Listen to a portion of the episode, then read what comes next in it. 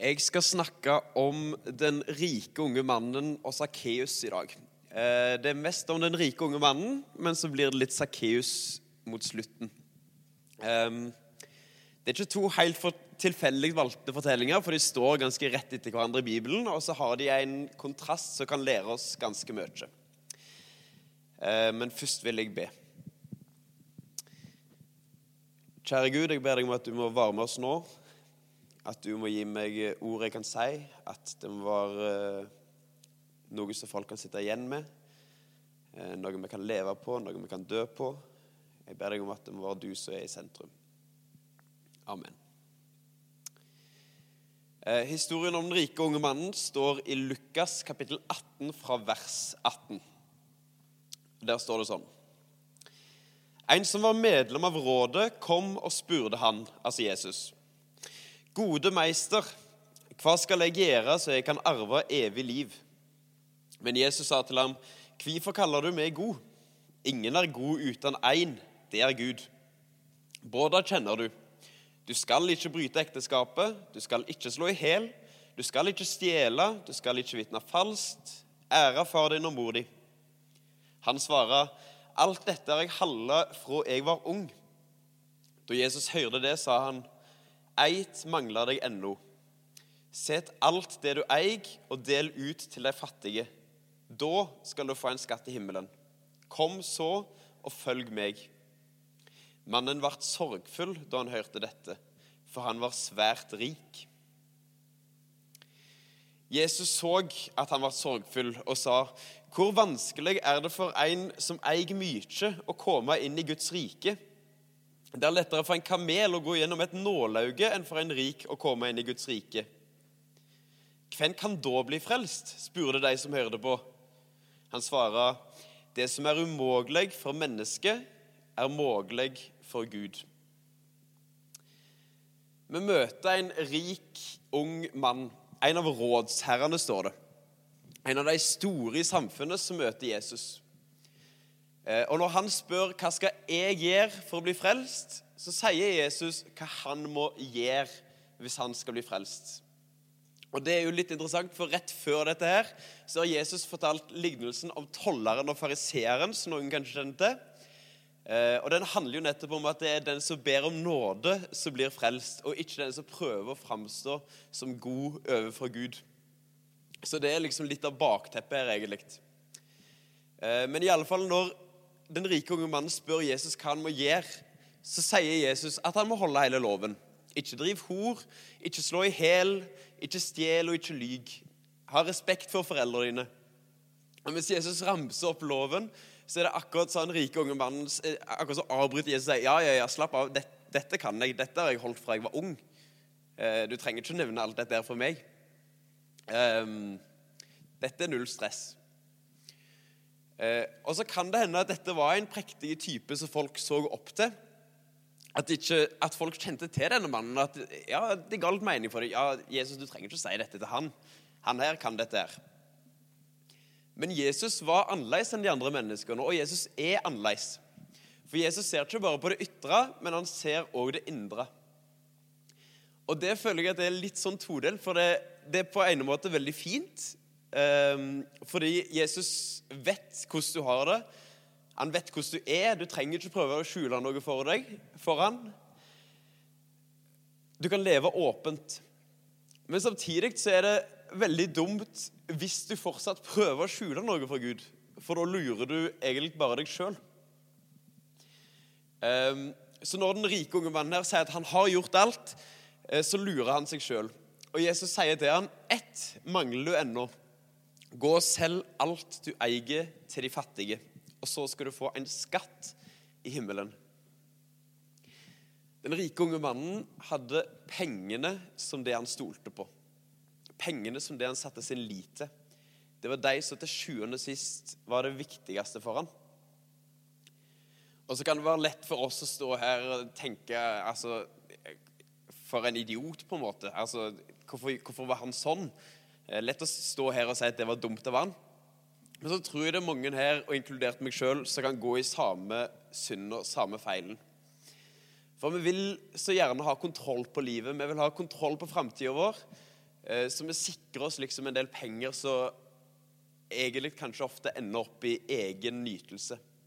Og så I plassen for å se på de fattige som faktisk trenger penger og trenger mat her i verden, så er vi sjølsentrerte og egoistiske og tenker ofte mest på oss sjøl. Eh, for fire år siden så gikk jeg førsteårslinja på Fjellheim bibelskole i Tromsø. Eh, og Da var vi på en misjonærtur til Bolivia. Og Noe av det jeg satt igjen med etter den turen, var å møte mennesker som ikke visste om de skulle få mat i morgen. Mennesker med usikker framtid, ikke bare for de neste ti åra, liksom, men en veldig usikker nær framtid, en usikker morgendag. Eh, og når disse ba før de skulle ete, så sang de Jehová es mi pastor, nada kima faltera.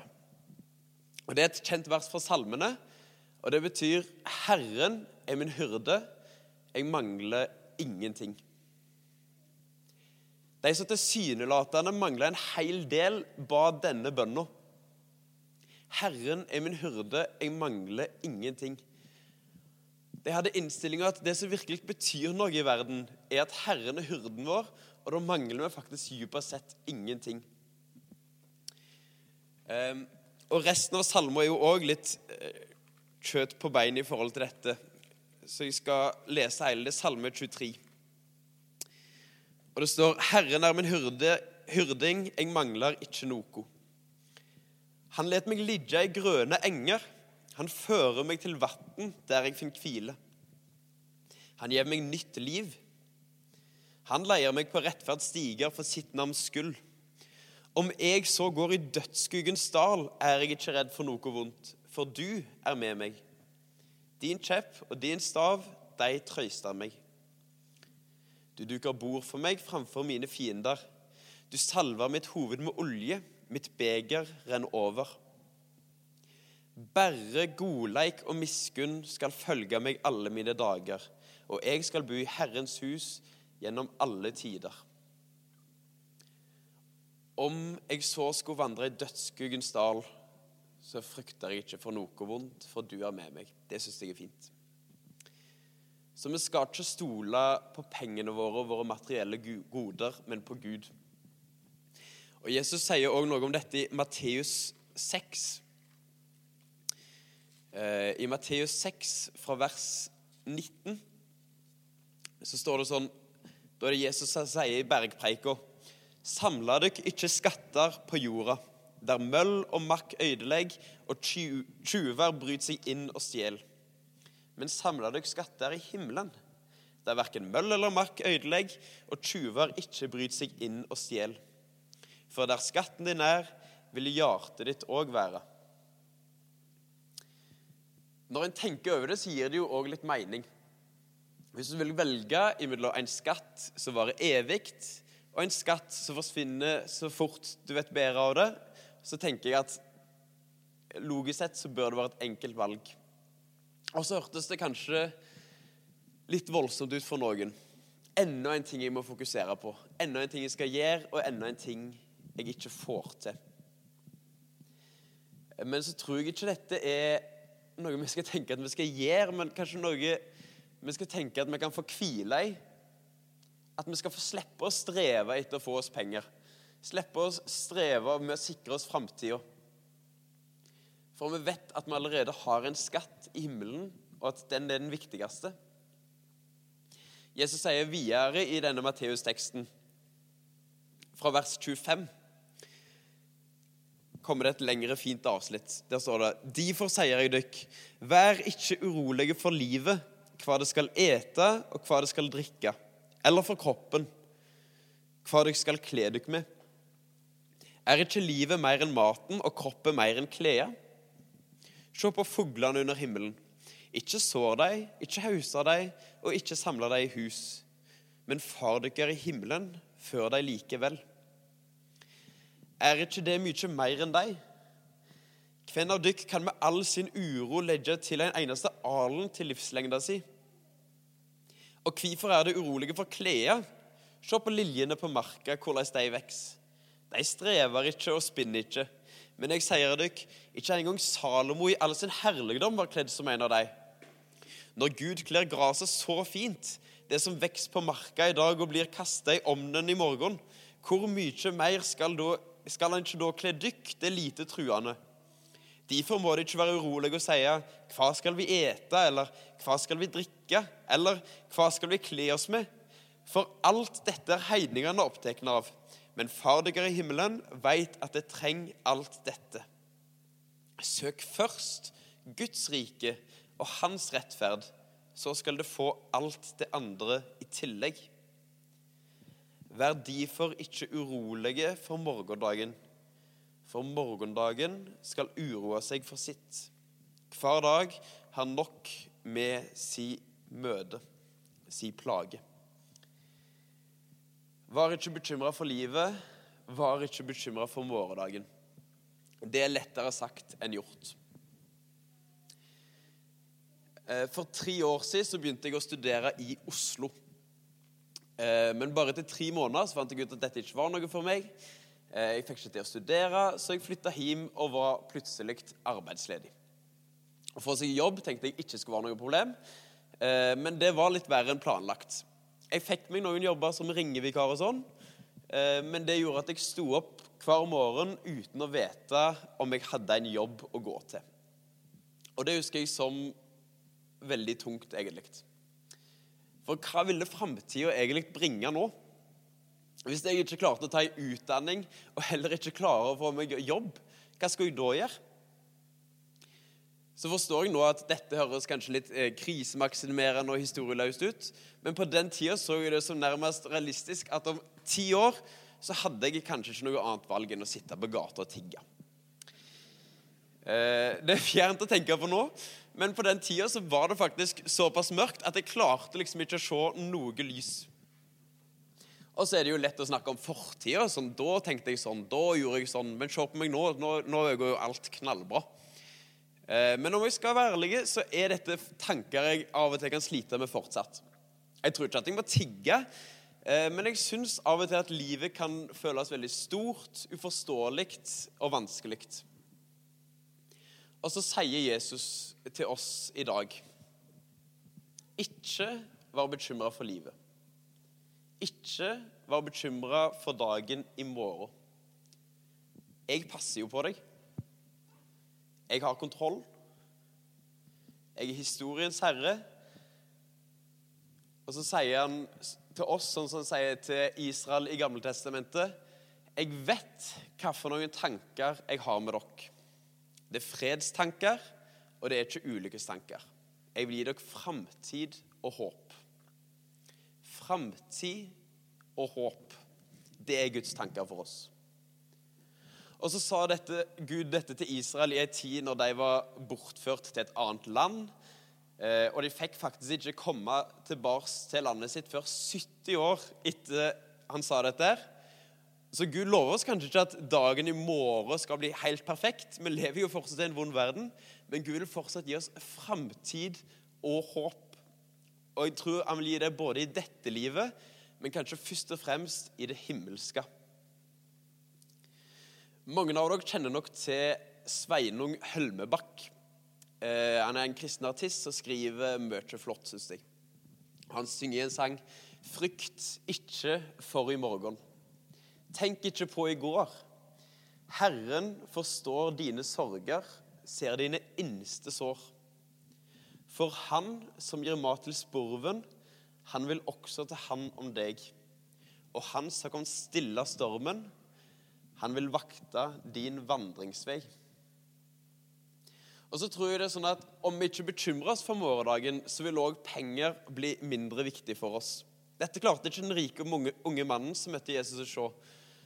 Så derfor gikk han bedrøva vekk, som det står.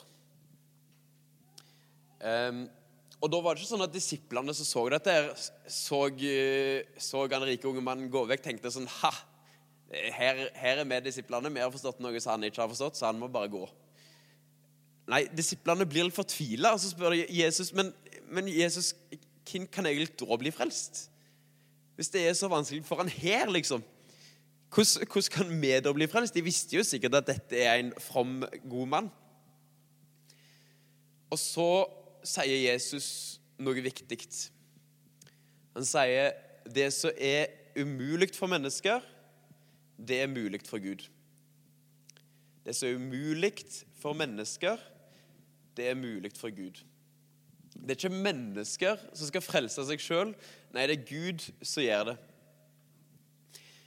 Vi mennesker vi vil synde og falle gang på gang på gang. Men det var jo nettopp derfor Gud kom til jorda. For å leve det livet som var umulig for mennesker å leve.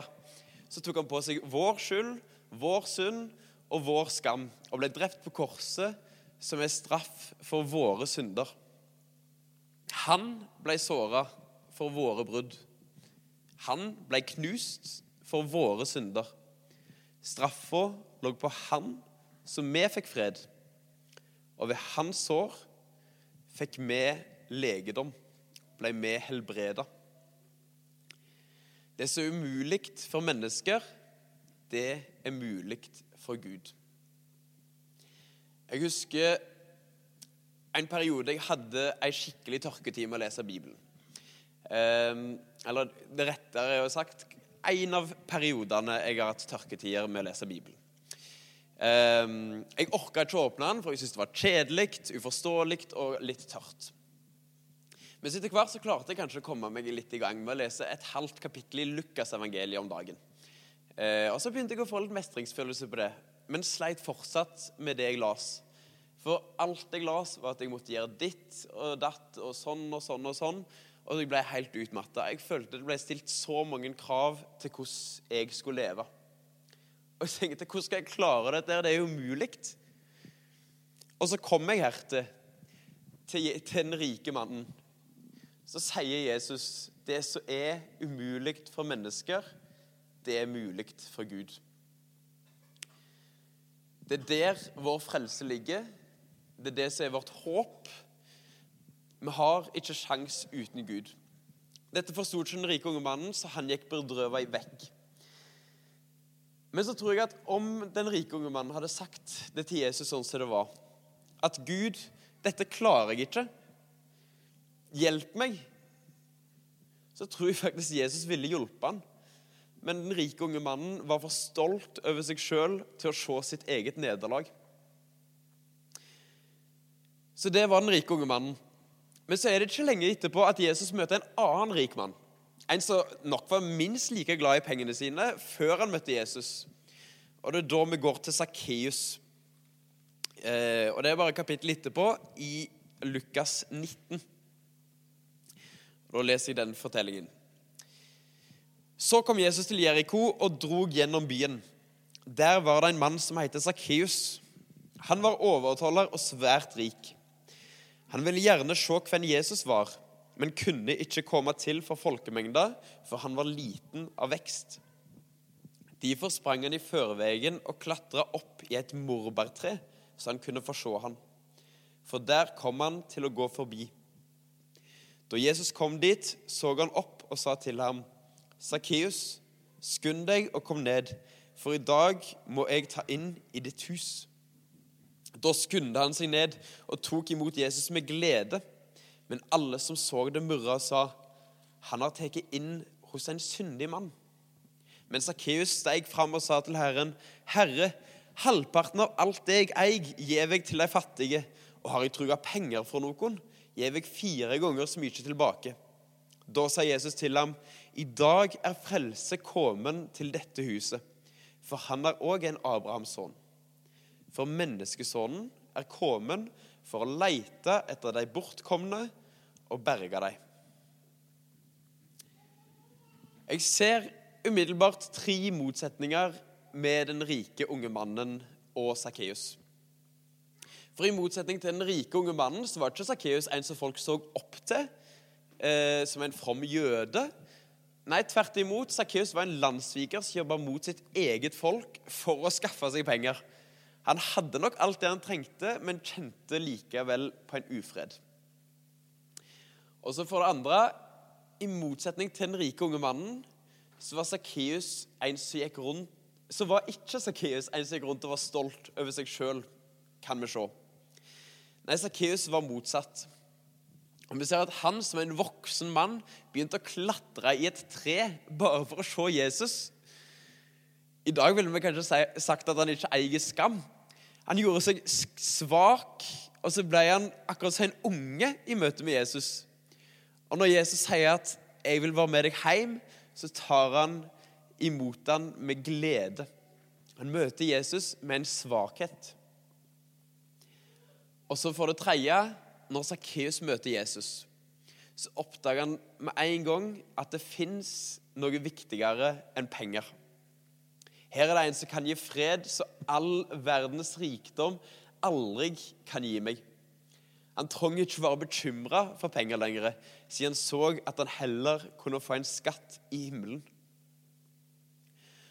Og så var det en gang jeg hadde en andakt om Sakkeus på en 5.-7. klasseleir i Nord-Norge.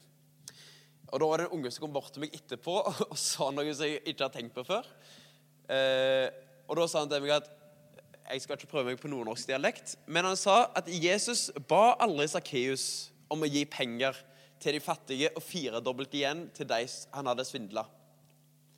Når Sakkeus møtte Jesus, så gjorde han det bare. Og det syns jeg er ganske godt sagt og godt tenkt, egentlig. At det var ikke sånn at eh, Jesus befalte han det, men møtet med Jesus forandra bare hele måten til Sakkeus å tenke på, så han valgte å gjøre det. Det ble en naturlig konsekvens, på en måte. Eh, det andre ble uviktig, ja. Og dette tror jeg ikke bare er noe som gjelder et første møte med Jesus, men jeg tror det òg gjelder generelt. For du blir stadig mer forandra, og du blir stadig litt og litt mer lik Jesus om du bruker tid på han. Jesus sa en gang 'Bli i meg, så blir jeg i dere'. Men vekke fra meg, så kan dere ikke gjøre noen ting. Fortellingen om Sakkeus avslutter med at Jesus sier noe som oppsummerer det hele og forskjellen på Sakkeus og den rike unge mannen.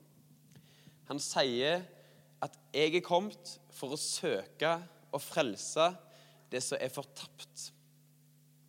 Søke og frelse det som er fortapt. Sakkeus så dette, at han trong hjelp og var fortapt. Og det gjorde ikke den rike unge mannen.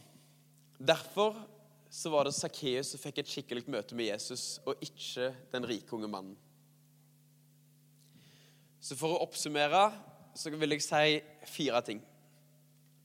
Ikke møtt Jesus med stolthet, men med svakhet. Skatter på jorda blir ikke viktige i møte med evigheten, så vi skal slippe å bekymre oss for morgendagen. Det som er umulig for mennesker, det er mulig for Gud. Og til slutt, om du søker Jesus, så vil han forandre deg. Jo mer tid du bruker på Jesus, jo mer vil du bli forandra og prega av han. Jeg skal be til slutt. Gud, jeg takker deg for at vi skal slippe å bekymre oss. Jeg takker deg for at du tar imot all vår svakhet. Takk at du vil forandre oss. Takk at du dør for oss, og takk at du bryr deg om oss. Takk at du ser oss, og takk at du elsker oss. Amen.